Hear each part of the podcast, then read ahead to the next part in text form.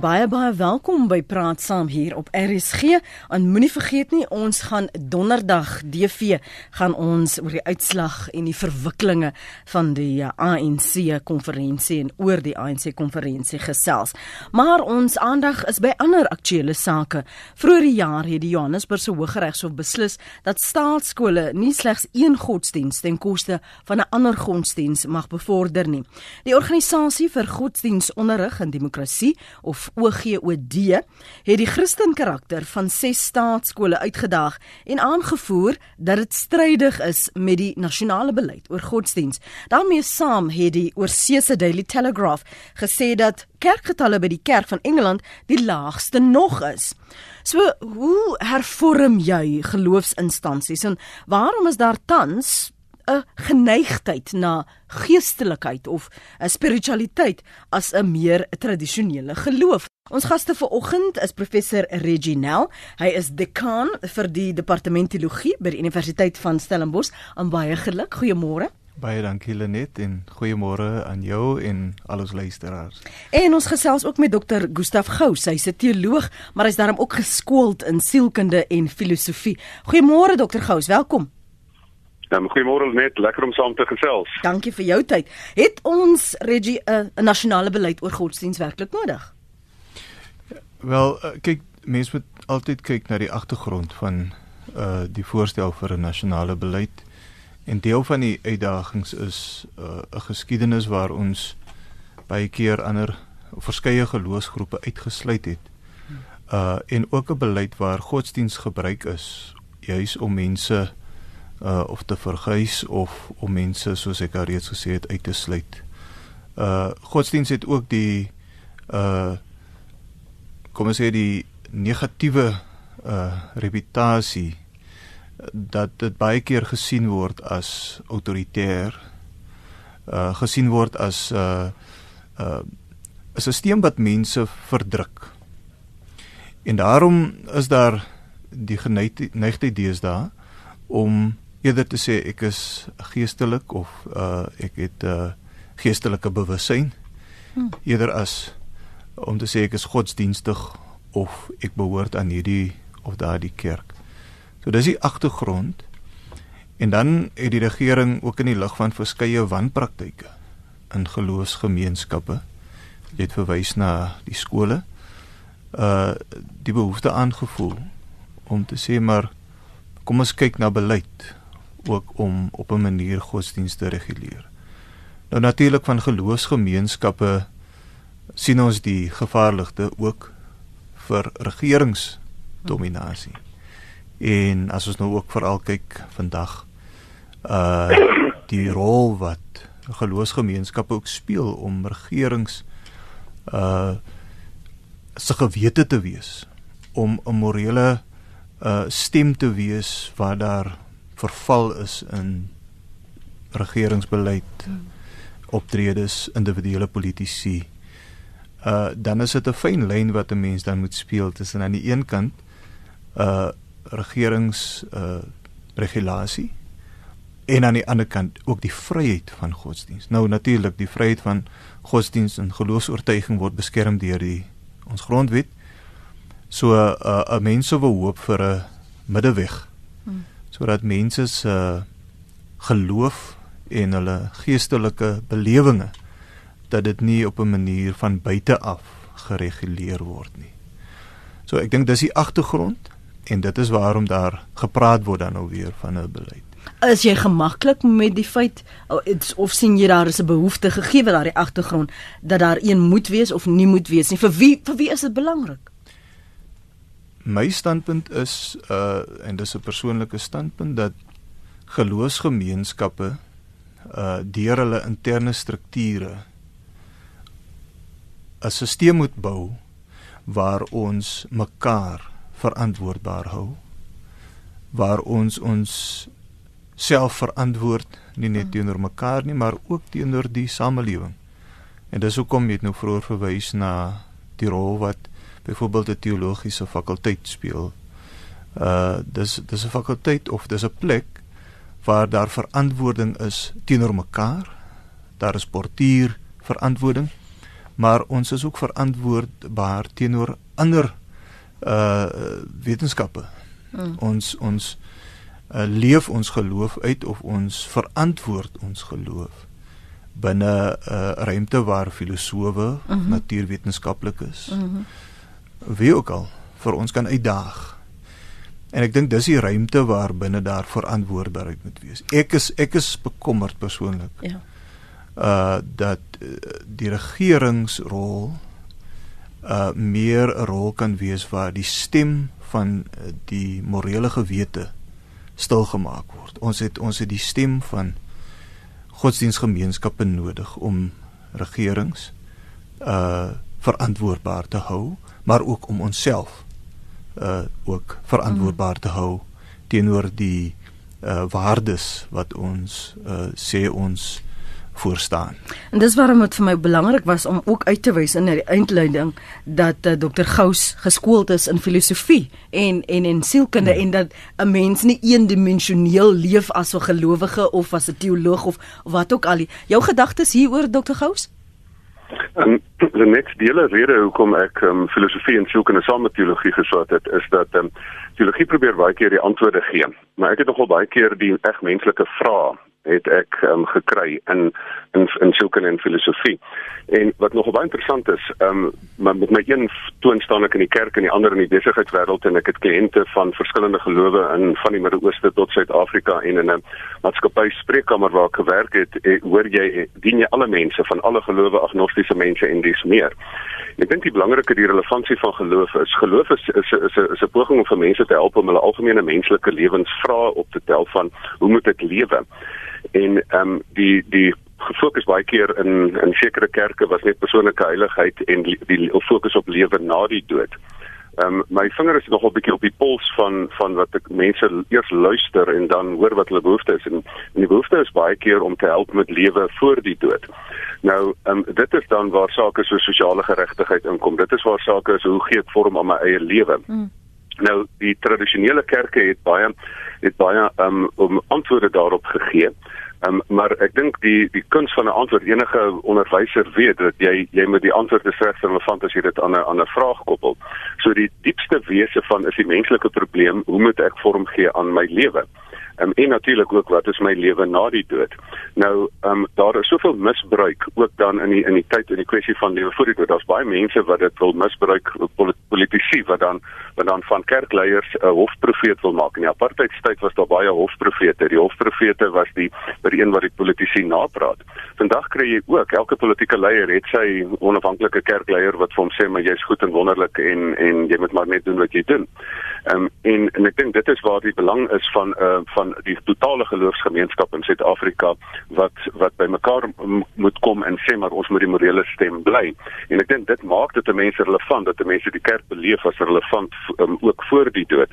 En ek hou baie van wat wat um, wat Reggie sê professioneel sê van die hele kwessie van ehm um, dat mense verantwoord moet gehou word aan mekaar. Nou die die kerk het 'n interne stelsel wat hulle noem ekumenika. Ekumenika is die Griekse woord vir die die hele bewoonde wêreld of die huis. En dit is waar Christene bymekaar kom en sê luister, jy sê miskien ehm um, die die die, um, die gelowiges moet vir Trump stem en en so aan. Maar, maar luister, ek hoor dieselfde Vader en hy sê 'n paar goeters wat wat nie vir my reg klink nie. Ehm um, so daar is 'n verantwoordbaarheid intern Die probleem is net daar's baie kerke wat nie daarna luister nie en dit is die konsep van fundamentalisme wat wat is fundamentalisme? Ek is reg en jy's verkeerd. Ehm um, en dit is wat mense dan glo, maar ek hou ook van wat wat Reggie sê die hele kwessie van dat jy teenoor die wetenskap jouself moet ook verantwoord en ook dat daar ook 'n dissipline moet kom tussen gelowe in Suid-Afrika wat mense kan sê maar luister ons dien dien God maar hoe kan kan 'n mens sê dat jy in die naam van God ander mense mag doodmaak en bomme plant en dis meer? Verantwoord dit verantwoord dit teenoor die mensdom. Hoe hoe, hoe kan jy dit sê? So ehm um, hier hier is 'n groot dissipline in nodige onderlinge interne dissipline van geloofsgemeenskappe teenoor mekaar. Is dit 'n geval waar en dit is ek, wat ek ook sien mense baie maklik daar gryp is die redenasie van jy moet verstaan dit is 'n teken van die tye dat ons moet aanbeweeg. Is dit nou uh, professor Nel die een teenoor die ander? Kan dit enigsins saam staan hierdie tradisionele gelowe met 'n soeke na geestelikheid of of of om jouself as 'n uh, spirituele wese te beskryf? Ek dink dit is die een teenoor die ander nie. Ek dink ook nie dit is 'n uh, 'n teken van die einde nie. Ek dink eerder dis die teken van 'n oorgang. O. 'n Oorgang na moontlik 'n 'n dieper 'n dieper verstaan en 'n dieper nie net verstaan kognitief nie, maar ook 'n dieper belewing van ons geloof. Uh daar is 'n groot behoefte om na die kom ons sê nou maar na die skandes en die skades van institusionele godsdiens. Mm. Om te vra maar uh daar is nog steeds 'n behoefte aan 'n dieper geestelike belewenis, behoefte om met God uh verhouding te hê hoe ons God nou ook al noem om God te beleef in my daaglikse lewe en hoe uh put ons uit ons geloofstradisies dat ons daardie verhouding kan herstel. Uh uiteraard ons moet erken dat geloof soos ek vroeër gesê het gemeenskappe ons kyk na ons eie geskiedenis. Ehm um, het maar 'n ongelukkige geskiedenis in ons verhoudinge met staatsmag of ons verhoudinge met die geldmag. Uh in die sin dat ons as geloofsgemeenskappe en spesifiek dan nou institusionele uh godsdiens uh baie keer die diensmaagd geword het van hierdie magte in die wêreld. Hmm. En mense is gewond, mense het seer gekry. Uh mense is uitgesluit. En daarom soek mense na 'n uh, dieper verstaan agter die institusie, agter die dogmas. 'n dieper verstaan hmm. wat wat dieper gaan as bloot uiterlike kom ons gebruik net maar die woord formalisme waar ons bloot deur die rituele gaan waar ons bloot um, op 'n uiterlike manier ons uh, geloof uit uh, leef na wat beteken dit werklik waar om iets van die godheid te beleef. Hmm. En dis hoekom ek sê dat die skuwe wat ons deesdae sien waar mense eerder sê ek is ek ek het 'n geestelike uh dieper geestelike behoefte uh vir my staan nie teenoor dit nie dit is eerder 'n verandering 'n transformasie mm. en 'n verdieping van ons uh, verhouding met God ek voorsien en en dit is miskien uh dis die tema van die gesprek dis miskien iets waar ek voorsien dat geloof of dit nou Christen dom is of dit Islam is institusionele Islam uh dat daar fundamentele skuwe transformasie oor die volgende paar dekades gaan plaasvind uh wat uh wat beteken dat mense baie meer 'n uh, dieper soeke na 'n diep geestelike ervaring met God uh wil hê. Maar dit gebeur reeds en en as 'n mens byvoorbeeld jouself net in een kategorie van geloof plaas dan gaan jy nie noodwendig al die ander uh, die fundamentele skuwe waarvan jy praat in in hindoeïsme of islam of of on judaïsme hmm. of in ander gelowe raak sien nie want want daar is al reeds hierdie skuwe dokter Gous is dit noodsaaklik vir groei en ek gaan nou groei um in aanhalingstekens plaas van van enige geloof dat hierdie skuwe hierdie hierdie hervorming in gemeen geloofsgemeenskappe moet plaasvind geloofsinstellings vir vir daardie oorlewing dan ook in aanhalingstekens Dit is 100% belangrik. Um, ek wil ondersteun wat professioneel gesê het.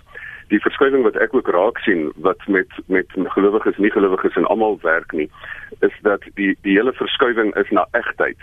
Ehm um, daar is mense soek 'n egte belewenis. 'n Vorm is niks nie, inhoud is alles. Ehm um, die Engelse sê religion is nothing, relation is everything. En ek sien daar is 'n daar is 'n skuif van weg van godsdienstigheid na dat daar 'n verlange is na 'n intense verhouding. Wat nogal interessant is, die hele beweging na spiritualiteit toe is nogal nie goeie nuus vir die ateïstiese beweging byvoorbeeld nie. Want um, die die debat is hier nie tussen geloof en ongeloof nie geloof nie. Die debat is hier so tussen um, geloof en ek wil nog steeds glo, maar ek soek net 'n roete om dit om dit wel te doen. Hmm. En en die die rede vir daai roete is is dat mense en ek dink Bonnie vir kan 'n mens nou weer hierby betrek. Hy is die enigste persoon wat gesê het maar um, ons praat van 'n God godsdienstlose godsdiens. Ehm um, dat jy dat jy nie net in die vorm vashak in die rituele doen nie en dan die sien nou maar die liturgie liturgie doen of daai liturgie doen en dit is die ou geuite forme waarop mense na die Here genader het nie. Maar dat daar vars nuwe forme is wat vir my baie interessant is om vir 'n voorbeeld te noem. Ehm um, wat in die kerk in die in die, in die tradisionele kerke gaan daar verskriklik baie mense uit die kerk uit, maar in Engeland is daar byvoorbeeld 'n beweging wat mense gesê het, maar kom ons maak 'n vars nuwe manier van hoe om geloof te beleef. Dat hulle priester instuur nie om 'n kerk te stig nie, maar die behoeftes van die gemeenskap te vra. En dan sê hulle maar daar's 'n behoefte aan 'n kleuterskool en ons baie enkel maas en dan begin hulle dit reël en dan begin hulle regtig die mense se behoeftes aanspreek. Jesus het nie gesê kom kerk toe nie, hy het na die mense toe gegaan en gesê wat is julle behoefte? Kom ek help julle daarmee. En daar het in Engeland hoeveel nuwe kerke gestig geraak binne die tradisionele uh, kerk van Engeland onder die Fresh Expressions beweging. So dit is maar een van van 20, 30 voorbeelde van waarvan ek weet van hoe die hoe die kerk homself vernuwe. Ironies nogal in Suid-Afrika is daar baie kerke wat verskriklik leegloop. Nou met ek baie church hopping doen, ehm um, en baie van my kliënte in in verskillende kerke is. Sien ek daar's baie kerke wat jy met stoele indra. En die die die algemene ding wat wat wat die mense dan raak lees. Hulle sê maar ek wil nie net oor lewe na die dood praat nie. Help my om te lewe voor die dood. Hmm. Geef vir my lewensrelevante prediking. Um, Psalm 16 vers 11 raak al meer sentraal waar mense sê Here, U leer my om te lewe. U leer my nie om dood te gaan nie. U leer my om te lewe. En dat mense dan egte belewenis, egte geestelike belewenis in eredienste en in samekomste soek. So so waar aanskryf jy hierdie beweeg of soeke liewer na? Soeke wat ons die afgelope ruk sien en die voorbeelde wat Gustaf ook nou daar gee na na spiritualiteit, 'n verdieping. Is dit omdat daar 'n ontnugtering was? Een van die luisteraars uh, praat van hierdie ontnugtering. Uh, die persoon sê ek het lank gesoek na 'n geestelike tuiste. Ek is Christelik grootgemaak, maar die skynheiligheid, die vrees en die skuld van die kerk het my weggedryf. Um nou praat die persoon van verskillende mense gee relevante praatjies elke tweede Sondag in 'n pragtige tempel en hulle beskryf die ervaring van uitbeweeg en soek na ander. So dit aan die een kant. daarmee saam dan ook. Is dit omdat die tradisionele tuistes nie in voeling was en vinnig genoeg gereageer het op daardie soeke nie? Ek dink dit is 'n dis 'n onmiddellike antwoord. Die onmiddellike antwoord is ja. Maar ek soos ek vroeër genoem het, die die dieper liggende antwoord is dat uh die kerk en kom ons noem dit nou maar die kerk as uh, tipeerend van verskeie ja, geloofsinstellings uh is beleef as as 'n instelling wat sekere belange gedien het Dan oor die kerk het 'n sekere uh staatsinstelling of staatsideologie vir vir uh dedig teologies of die kerk het byvoorbeeld uh, materialisme verdedig of vandag die gevaar die kerk verdedig 'n vorm van kapitalisme waar mense uitgesluit word. En as die kerk in diens dan staan van hierdie groter magte, mm. uh dan voel mense word mense uitgesluit So dit is vir my die groter prent. Deel van die uittog in Europa of in uh Noord-Amerika, maar spesifiek Europa was as gevolg van die feit dat die kerk en uh Dr. Gous daarna verwys uh, byvoorbeeld in Duitsland die uh nazisme geondersteun het en die Tweede Wêreldoorlog het gevolg. Met ander woorde, ons het 'n situasie beleef waar uh, mense ontnigter is deur hierdie godsdienstige instelling wat um in diens staan van ander groter magte. So dit is dis die groter prent. Mm. En die na dit was daar dan die behoefte aan uh ons soek na wat is die sin na hierdie kom ons noem dit 'n nou katastrofie in Suid-Afrika. Ons soek nou die sin, ons soek nog steeds die sin van die lewe. Um ons soek nog steeds dit wat uh, saak maak in die in in die lewe 'n dieper sin in die lewe dieper soeke na 'n geestelike uh groei geestelike verdieping hmm. maar ons doen dit met, met ons agterkop uh bewus van die feit dat godsdienstige instellings uh loop die gevaar om uh uh hierdie magte te dien. Ja. So ek dink is baie belangrik dat ons daai groot prent deeltyd in gedagte. Die die korttermyn antwoord is ja, miskien het kerk nie die mense ge gehoor nie, beleef hulle belewenis, behoeftes nie raak gesien nie. Ehm um, en op 'n kort termyn kan is die gevaar dat die kerk nou weer maar net 'n uh, supermark word. Hmm. Wat is jou behoefte? Hoe kan ek dit aanspreek? Sien en sommige sal sê die ruimte gelaat of die platform vir humanisme. Dis die die platform vir humanisme. Eh so so dit is dit is nou weer die hedendaagse gevaar. Maar die kerk moet weer en ek sê nou maar weer eens ek wil maar net beklemtoon ek bedoel die kerk religieuse instellings moet weer vra maar wat is primêr ons doel? En en primêr is die behoefte wat mense het Uh Viktor Frankl het dit so mooi genoem mense het 'n behoefte aan die sin vir die lewe. Mm -hmm. En as jy die sin van die lewe verstaan, die betekenis van die lewe, dan kan jy enige uitdaging in 'n sekere sin hanteer. So ek dink dit is dit is die uh agtergrond, maar ek dink dit is ook ons uitdaging weer vandag. Isak, jy's in KwaZulu-Natal. Goeiemôre. Goeiemôre, Lenet. En uh, almal wat luister. Uh ek ek sien voor my geestesoog ons uh, betree nou die tydvak van die tweede Eva. Reeds in die vroegste oertye was daar 'n toring van Babel, juis oor 'n gemeenskaplike soek tog na wysheid. Dit was 'n groot fiasco. Die vraag is nie wat wil die mense hê nie. Die vraag is wat wil God hê? En die woord sê vir jou, nie aan almal is die genade van geloof gegee nie. Uh waarna streef ons? Ons streef na menslike gemak, na wat vir die mens aanvaarbaar is. Ek dink daar is 'n dieper soek tog van die mens nodig en sterk geestelike leierskap vir alle gelowe om te ver, verneem wat wil God hê. Baie dankie vir die geleentheid. Totsiens. Ek is Totsiens, Isak, dankie. Uh, Guy, jy's in die Kaap, môre? Ja, man, uh, 'n sagte antwoord keer die grimmigheid af.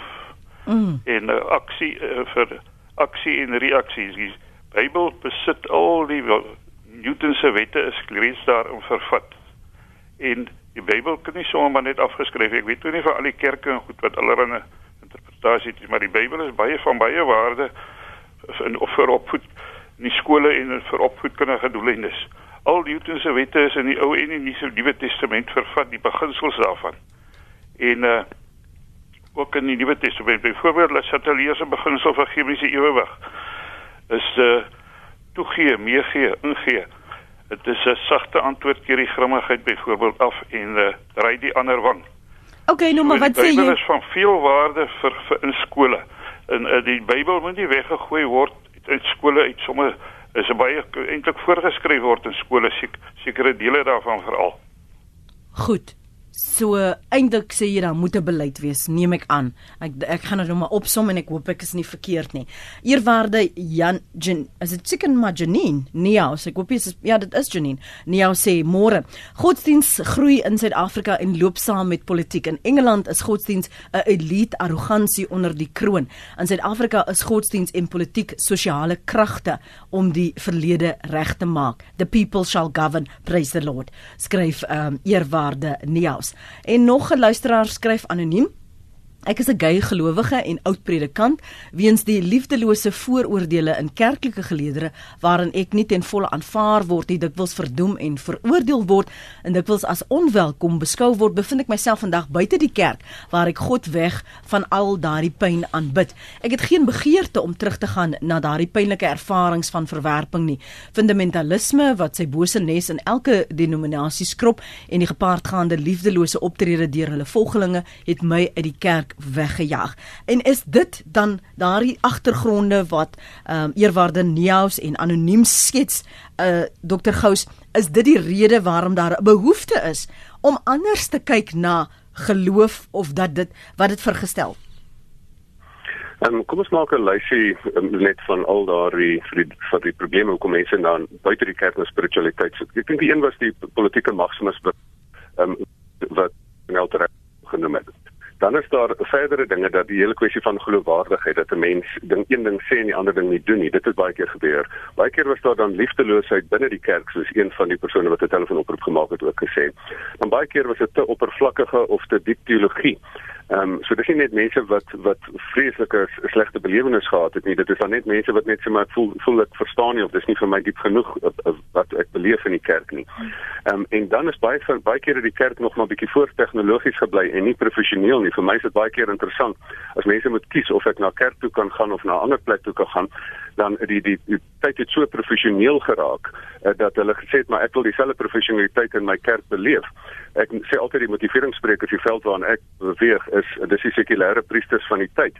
En daar word word op op op op, op die boodskap op die beste moontlike manier oorgedra. En baie keer is die tipiese tradisionele manier net soos tradisionele skoolhou sal met aanpas um, by beter opvoedkundige tegniek. Net so sal jy die boodskap oordra ook met aanpas. So baie van hierdie redes is dat mense ons geraak het. Maar ek wil aanlas by wat jy gesê het oor die dieper soeke na sin wat die een persoon wat ingebel het ook na verwys het Um, professor Rawie Rousseau wat die visierektor was daar by Universiteit van Stellenbosch wat ook filosoof was. Um, hy het gesê daar's drie groot lewensvrae en die ding jy word gebore sonder kennis en sonder gemak en sonder sin. En wetenskap het die kennisvraag nogal opgelos. Ons ons weet nou baie goeie. Um, ons is nie meer onkundig nie want tegnologie het die onkunde ding opgelos. Mens sit in 'n warm plek um, as dit koud is buite of met lugreëling as dit warm is. En maar die sinsvraag is nog nie werklik geantwoord nie. En dit is waar waar tereg ook Viktor Frankl ook gesê het, die mens se diepste vraag is daai daai soeke na sin. Maar sy antwoord was daar uiteindelik dat 'n mens die die die die die sin kan kan um, skep in 'n situasie. Nou as mens die sin vra, die ene professor Rousseau het nog 'n baie mooi ding gesê en dit is wat mense wat ek agterkom mense soek. Mense soek hulle lewensdoel, hulle soek hulle life purpose, hulle soek vastigheid, hulle soek rigting in die lewe. En ehm um, en wat vir my nogal ehm um, fantasties was, is toe ek die eeuoue kerklike antwoorde van geloof op en liefde gekoppel het ja. aan die diep vraag wat is die grond van my bestaan? Is dit nie dalk geloof nie? Wat is die rigting van my bestaan? Is dit is dit nie dalk hoop vir lewe na die dood en lewe voor die dood nie? Maar wat is my lewenstaak? Is dit nie dalk om liefde in plaas van haat te gee nie? En ek dink dit is waar die kragte van van geloof nog 'n baie relevante rol het want dit gee vir mense weer hulle lewenstaak dat die kerk ook uit sy na binne gekeerdheid moet kom wat dit net van bo na binne was maar dat hy na buite beweeg. Um, ek het 'n ou professor gehad, professor David Bosch, um, wat ek was sy persoonlike assistent, een van die bekendste teoloë van die vorige eeu. En hy het um, hy het, hy het gesê die hele kerk se bestaan kan opgesom word in drie woorde van bo na binne na buite. En dit is vir enige geloofsgemeenskap. Die geloofsgemeenskap wat sê ek erken die aanraking van bo, ek, ek erken dat dit myself gaan verander en dat dit dan um, die die geloofsgemeenskap verander en na buite 'n verskil maak. Ek vra altyd vir kerke, as jou geloof geen verskil in die samelewing maak nie, wat is die sin van hierdie geloof? Ehm um, mense is geroep op aarde te roeping. Net laaste laaste woord, die mense wat dit doen, se sinsbelewenis gaan op. Hoeveel mense sekulêr en nie sekulêr nie geniet hierdie ding verskriklik baie dat jy 'n taak het in die wêreld wat jy 'n positiewe verskil maak en dit maak dat jou sinsbelewenis in die lewe baie meer is. Dit is interessant dit raak so aan wat ek en jy voor ons op lig gekom het Reggie vanoggend mm. oor gesels het oor die roeping en hoe mense dit uitleef en wat op jou pad kom. En net 'n ander beskouing en dankie vir jou oproep môre. Goeiemôre. Praat gerus. Uh is ek op die lyn? Jy is ja. Ja, dit is Anne Loos, ek is van Pretoria. Ek is 81 jaar oud. So ek leef al 'n hele lang ruk om te sien hoe die mens die verskil wat wat wat nou gekom het in hierdie wêreld. Uh, Daar's 'n losbandigheid en moraliteit. Uh die huwelik is nie meer belangrik nie. Uh, enkel ouers maak kinders groot. Die vaderfiguur is nie meer daar nie. Die woord van God word nie meer in die huis belangrik geag nie. En as 'n mens net dood eenvoudig 'n woord van God vat, om in Timoteus staan daar alles skrif is daar om ons te leer en te onderrig. Uh en en dit is so belangrik dat kinders die woord van God moet weet en verstaan en en lees. Uh die sodra hulle begin kan lees, dan moet hulle ook die Bybel lees en weet dat die onderrig daar is en dat ons volgens dit moet leef. En ek is baie hartseer om te sien dat die kerk 'n instelling geword het, 'n sosiale instelling. Daar is nie meer lyk like vir my die die belangrikheid van van uh, lidmaat wees wat verantwoordelikheid hou teenoor sy kinders en teenoor haar kinders om hulle in te, te leer. So ek is baie hartseer. Ek het ek het baie kinders en ek is trots om te sê dat my vier kinders uh kinders van die Here en dat ook my kleinkinders en dit is vir my belangrik om te weet dat ek die woord van die Here moet uitdra so ver as ek kan. Ek is ehm um, gaan nie meer kerk toe nie. My gesondheid laat my dit nie doen nie. So ek luister eintlik meer kerk en dit is vir my so baie belangrik dat die 10 gebooie altyd relevant moet bly en dat ons weet ons volgens daai dinge moet leef. Dankie Anders en se belewenis en en en uitdrukking as ons vanoggend praat oor hoe jy uh, instansies, geloofsinstansies en nie net geeste Christelike geloofsinstansies, nie alle geloofsinstansies van ge, geloofsgemeenskappe hoe dit hervorm en waarom daar 'n geneigtheid is uh, na 'n geestelike ervaring van geloof as 'n meer tradisionele ek moet in die kerk wees, um, kom wat wil, ek moet dit so doen want dit was nog altyd so gedoen en nie noodwendig altyd ruimte is vir die ander invloede wat daardie tipe geloof uh, kan verteen uh, verteenwoordig nie. Ons gaste vanoggend is professor Reginel. Hy is dekaan vir die departement teologie by die Universiteit van Stellenbosch en Dr. Gustaf Gous is 'n teoloog. Gegeewe wat Anne gesê het en en ook die narratief dat ons vanoggend sê ons praat nie net van Christelike uitleef nie. Is daar nog plek en ruimte en relevantie vir 'n departement teologie dan? Ja, dis dis die fakulteit uh, teologie. Mm, fakulteit. Ehm um, ja. soos ek in die begin gesê het Lenet, ek dink as ons hoor hoe ons lidmate praat dan ek luister nou na ons uh gay uh gelowige luister na die uh en se se insette dan kom ons agter dat ten spyte van die feit dat in 'n sekere sin dit baie maklik is om 'n klomp antwoorde te gee, drie woorde of vinnig die goed uh, reg te stel. Beleef mense tog dat uh, die dinge is nie so maklik nie. Uh dis nie so maklik om instellings te verander nie. Dis nie so maklik om die kultuur van geloofsinstellings ingrypend en fundamenteel uh, te skuif nie.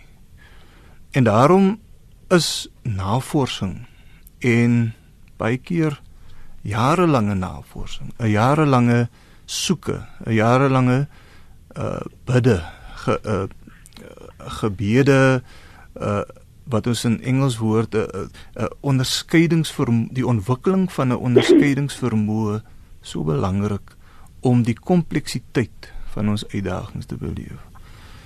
Ons praat baie maklik oor, jy weet, alles is oor ons is in nuwe Suid-Afrika. Maar Suid-Afrika is diep verdeeld. Wat is die rol van geloofsgemeenskappe? So die punt wat ek wil maak is die uitdagings waar binne ons dit doen is kompleks. Hm. En ek hou van wat Dr. Gous vroeër gesê het, die filosofie of sosiologie of selfs in ons natuurwetenskappe ekonomiese bestuurswetenskap dis waar ons baie van die vrae optel, die uitdagings in al sy kompleksiteit hmm. optel. Maar ek wil dit miskien ook selfs verder vat en ek dink dat ek vermoed uh, hy sal met my saamstem dat ook in die soeke na die antwoorde. Antwoorde is miskien selfs bietjie uh, sterk, maar in die soeke na 'n pad vorentoe uh, het ons ook mekaar nodig. Ons het ook ons kollegas in die natuurwetenskappe nodig om saam te besin oor die kompleksiteit van die uitdagings of in ekonomie om te sê maar ons het dit nog nie reg gekry nie. Uh ons ons uh, gay gelowige wat daar gepraat het, ons ons het dit nog nie reg gekry om ons susters en broers wat uitgesluit is om om hulle te laat voel maar ons is deel van een gemeenskap. So dit, dit is nie so maklik is soos om te sê weet eh, maar die Bybel is duidelik. Daar is soos die woorde, eh, die antwoorde dit. is daar. Uh ons ons sukkel baie keer met onsself. Uh want om hierdie groot instellings te skuif uh raak jy ook aan diep belange ekonomiese belange belange van 'n sekere kom ons sê heteroseksuele uh, mans wie se posisies nou in gevaar is. En die oomblik as ons daaraan skuif, dan kom ons agter maar die goed uh, lê diep. So ek dink wanneer ons beweeg na die vraag oor die transformasie van geloofsinstellings mm. ook kultuur binne geloofsinstellings dan begin ons agterkom dat uh die dinge is nie so maklik nie. En baie keer moet 'n mens net eenvoudig sit en erken teenoor mekaar ons het nog nie die antwoorde nie. Uh ons het nog nie by die punt gekom waar ons kan sê uh hier's 'n manifesto. Dis dis die dis die drie dinge wat jy moet doen en dan is alles oor nie. Hmm. Ons moet miskien bietjie meer en meer intenser luister en selfs ook die nederigheid het om te erken dat uh, 'n uh, antwoord uh uit uit 'n oord buite uh die kerkraadsvergadering of buite die sinode hmm. uh is miskien die mees raadsame pad vorentoe. So ek dink ek wil maar net daai kompleksiteit ook net op die tafel hmm. sit en en en dit is vir my hoekom dit belangrik is dat 'n fakulteit teologie hmm. by 'n openbare instelling is haarself oopstel vir die kritiek van kollegas uh en ook saam soek na na die pad vorentoe. Mm. En kan ek net dit ook byvoeg? In die vorming van geloofsleiers uh lyk dit ook belangrik dat geloofsleiers jou volgende generasie ja leiers wat in geloofsgemeenskappe moet moet uh, funksioneer dat hulle ook saam met kollegas in ander velde kan gesels ook kan sê luister jy weet in die verlede as ons gepreek het dan kon ons ons vuis op die tafel slaan en sê so sê die Here. Ja ja. Ehm um, miskien is dit nie meer so maklik nie. Miskien moet ons tog bietjie luister wat sê ons kollegas uh, in ander velde. En kom ons probeer saam 'n uh, oplossing soek. Maar daarmee saam Dr Gous vra dit van die individu om homself oop te stel, 'n gewilligheid om nie na net een antwoord te soek nie, want antwoorde kom op verskillende maniere, kan ook verskillend wees vir elke persoon.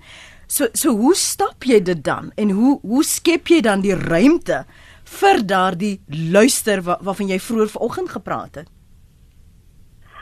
Weet jy net, is nogal interessant. Daar is um, teenoor um, gewilligheid is daar moedswilligheid.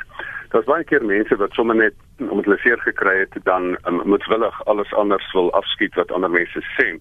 Maar die gewillige leerder, ek sê daar's altyd twee tipes mense op aarde, die wat glo wat ek reg en jy's verkeerd en dit is fundamentalisties en die wat glo wat ek glo wat ek glo maar jy's interessant en kan ek nie by jou leer nie. Ehm um, ek het ek is geseën en gestraf met hierdie gewilligheid om te leer en dit het gemaak dat ek die geloof op 'n stadium kwyt geraak het want ek het na oorsee gegaan en het ek na my studentelewe en nog teologie en alles geswat het, het ek besef maar daar is soveel vermenging met burgerlike belange en geloof dat dit vir my verkoop is asof dit die die die die werklike geloof is en ek het die geloof kwyt geraak. Maar wat vir my wonderlik was is na ek teruggekom het van af het ek weer die egte belewenis met die Here ontdek, het ek die verhouding met die Here ontdek en dan dat dit dat dit nie oor godsdienstigheid gaan nie maar dat dit oor 'n diep persoonlike intieme intieme verhouding gaan. En ek dink daai daai ding het het vir my baie beteken en dat 'n mens dan ook deur die geloofsfases gaan van van fundamentalistiese naïewe geloof na 'n kritiese geloof na agnostiese geloof en na 'n 'n nuwe geloofsbelewenis toe. En ek dink die die die moeilikheid van die kerk is is dat jy gelowiges het op al daai fases en jy moet almal van hulle ontmoet en nie alle kerke is gerad daarvoor nie. Wat ek wel net twee ehm um, twee waarskuwings miskien wil wil sit is ek het juist by my ou mentor, my ongelooflike goeie mentor professor David Bosch wat die boek Transforming Mission ge geskryf het, ge baie geleer. Sy hele boek se titel was 'n woordspeling en hy het gesê um, is die sending van 'n gelowige in die wêreld moet die wêreld verander en positief maak. Maar so dit is transformerend, maar die sending self, die kerk self moet self getransformeer word want hy het baie keer um, baie keer um, oud geraak en en geuit geraak. Nou die die die gevaar waarby mense staan is omdat ek baie liever is vir die akademiese wêreld, maar die gevaar van die akademiese wêreld is dat dit in kompleksiteit vasgevang raak. Professor Bosch het vir my geleer in sy toesprake dat hy die die die besoekende professor uit Princeton en Yale kon sy toesprake verstaan, maar ook die persoon wat net standaard 8 het kon dit ook doen. Want die die hy die Here nagevolg wat gesê het wat die meester was van van van vereenvoudiging. Die Here het hom sê maar wat moet ons nou die mense gaan vra, wat moet jy nou glo? Toe sê hy net twee goeters jy moet die Here jou God lief hê met jou hele hart en jy moet jou naaste lief hê soos jouself. Nou, wat is eenvoudiger as dit? Daar is deur al die Joodse wette is daar 'n streep, nie 'n streep getrek nie, maar is vereenvoudig na 'n uh, verhouding na bo en 'n verhouding na horisontaal na mense toe. En ek dink in daai opsig is dit die taak van die kerk. Die kerke wat dit weer die kompleksiteit van die werklikheid raak sien, maar vir hulle die die goeie getoetste antwoorde gee wat dan op 'n op 'n baie eenvoudige manier weer oorgedra kan word. Ek dink dit is selfs die ding wat die intellektueel en die persoon um, wat nie noodwendig so intellektueel is nie kan tevrede stel um, omdat dit die boodskap vir die tyd kan bring. Kom ons hoor wat sê Johan in Johannesburg. Ja, Johan, en baie dankie vir jou geduld môre. Dankie Lenet. Lenet nee, ek dink dit twee punte van belang. Uh die eerste ons is baie keer dink ek te bekommerd oor uh wat die kerke of kerke of instansies dink. Dink die vertrekpunt is in uh hoe lewe ek as individu my geloof uit? Maar ek maak nie saak of 'n kerk 1 2 3 4 5 6 of geloof 1 2 3 4 5 6 uh, uh, uh, glo nie. My eie my eie lewe, kan jy hoor dan nie? Ja ja, ek luister na jou. My, my eie lewe. My die vertrekpunt is nie altyd wat ander mense dink of doen nie. Mm. Wat doen ek? Respekteer ek die volgende persoon met respek, waardigheid en integriteit? As daai drie vertrekpunte is, kan ons oor baie goed verskil. Ons kan praat oor hoe moet ons funksioneer as kerke al dan nie, maar ek moet die volgende persoon met respek, waardigheid en integriteit uitbeleef. En ek moenie dink ek is beter as die volgende persoon nie. Ons sien dit ongelukkig oor oor die eeue onder op op 'n politieke verband. Ek kan nie vir 'n persoon sê my my geloof, ek hoor dat jy sê van jou geloof, Jesus myne nie. Ek dink ons ons is ons is almal is fantasties, maar sodra ek sê maar, dink ek, maar dit is tog 'n bietjie beter. Ek kan my geloof uitleef in my eie maar ek hoef nie die volgende persoon uh ek kan nie die volgende persoon se geloof afkraak nie. Ek kan dit uitleef, maar ek hoef nie die volgende persoon af te kraak nie. My waardigheid, integriteit en respek hartop oor alles. Dankie. Dankie Johan, dankie vir jou inset daar. Ek lees wat skryf ons luisteraars hier op ons webblad rsg.co.za. Uh, Andy Steckling sê, uh, "Môre Lenet en Gastekerk het 'n uiters suksesvolle besigheid geword met kliënte, lidmate wat assosieer met die bestuurder, die predikant. Tradisioneel was dit so dat as jy gebore, gedoop, aangeneem, getrou en begrawe word uit 'n sekere kerk is, volg jy maar net die tradisie van jou ouers, hulle ouers en so voort. Deesdae het jy 'n keuse waar jy wil gaan en as 'n dominee se styl van preek jou nie geval nie, kan jy na 'n ander kerk migreer mits jy finansiëel bevoeg is vir daardie gemeente en op die koop toe vorder jy deur die range diaken, ouderling en kort voor lank is jy te groot vir jou geestelike skoene en dan stig jy jou eie kerk. Jannie, uh wag, dit is Ansie wat hier sê. Ek is so ontnigter deur die kerk se bestuur, kapitalisme waar mense uitgesluit word. My hart is seer oor die manipulasie, boelie, intimidasie en alles vir geld. Kerk het 'n besigheid geword in Suid-Afrika soos in Amerika. Dit gaan nie meer oor God nie. Dis so jammer, skryf sy. Ek dink sy's daar op Modimolle. En Theo Bouman sê baie mense in Suid-Afrika kom agter dat die Christelike geloof gegrond is op valse beginsels. Daarom kon apartheid regverdig word op hulle beginsels en ook weer veroordeel word. Nie almal wat die Bybel lees verstaan wat hulle lees nie. Daarom is regulasie van geloof baie nodig. So as ons praat oor waarheen ons op pad is met geloofsgemeenskappe of instansies of dan hoe die tradisionele uh, wat ons ken as kerk oor alle geloofsgemeenskappe uh, wat is die uitdaging nou in hierdie tyd? Gegee wat ons luisteraars ook sê en en wat uh, dokter Gous ook gesê het want jy kan dit nie ignoreer jy het ook gepraat van die saambeweeg die die individu aanspreek. Een van ons luisteraars Johan het gesê jy moet jouself afvra wat doen ek? Korrek. Ek dink die ehm um, in terme van die pad vorentoe is dit belangrik dat ons net vir 'n oomblik erken die kompleksiteit van ons uitdagings die geskiedenis waaruit ons kom Ons het sopas weer gehoor die belewenis van lidmate binne hierdie instellings. Ek dink dit is belangrik dat ons houding 'n houding moet wees van selfondersoek. Houding wees van ek is oop om ook te leer van ander. Uh ek is nie ons is nie meer in die fase waar ons vinnige antwoorde kits oplossings kan bied nie. Uh en ek dink in terme van van die toekoms sou ek ook sê dat ja, dit is belangrik om ook selfs te luister na die regering. Uh maar soos ek al reeds gesê het reg aan die begin, nie op so 'n wyse dat die regering uiteindelik voorskryf nie. Die kerk moet nog steeds of geloofsinstellings moet nog steeds uh, 'n stem kan wees in die eerste plek na binne waar ons krities is teenoor onsself maar ook na buite waar ons uh ook teenoor ons het nou die onlangse geval van Steinhof uh teenoor privaat besigheid ook teenoor die regering die hele uh Gupta uh skandaal dat die kerk nog steeds die vryheid het om uh die stem te laat hoor. Um ek ek wil maar net pleit daarvoor dat ons uh net daardie tipe van van sensitiwiteit hê uh om ook um te kan om uiteindelik ook te kan verander. Uh laat ek miskien net dit ook sê. As ons so praat dan sê ons nie alles in die kerk is verkeerd. Ja. Ek was onlangs nou weer in die Noord-Kaap aan Grootmuur en dit was my so wonderlik om te sien hoe dat jonger generasies leiers deurkom saam met ouer generasies leiers wat nog steeds iemand het verwys na die die hakens en die ouderlinge maar wat nog steeds ek dink op 'n waardige wyse 'n gemeenskap daar diep in die Kalahari dien. Ek ek ek was weer eens be, beïndruk met die feit dat gewone mense goeie mense kan ek amper sê en dit is so uh nog steeds deur die kerk mense kan omarm mense kan begelei in hulle tyd van kwesbaarheid en nog steeds iets van God se liefde beliggaam met ander woorde uh, iets van God se liefde uitleef. So dit het ek nou onlangs weer beleef. Ek het ook beleef die naweek wat verby is waar ons na 'n kerk toe wou gegaan het en hier in die parkeerareas ons al gevra het julle kaartjies gekoop vir die diens vanoggend want die diens is al uitverkoop. so die twee kante van die saak en en ek dink dat as ons net die sensitiwiteit het dat daar is nog steeds areas waar God se liefde deur die kerk beleef word.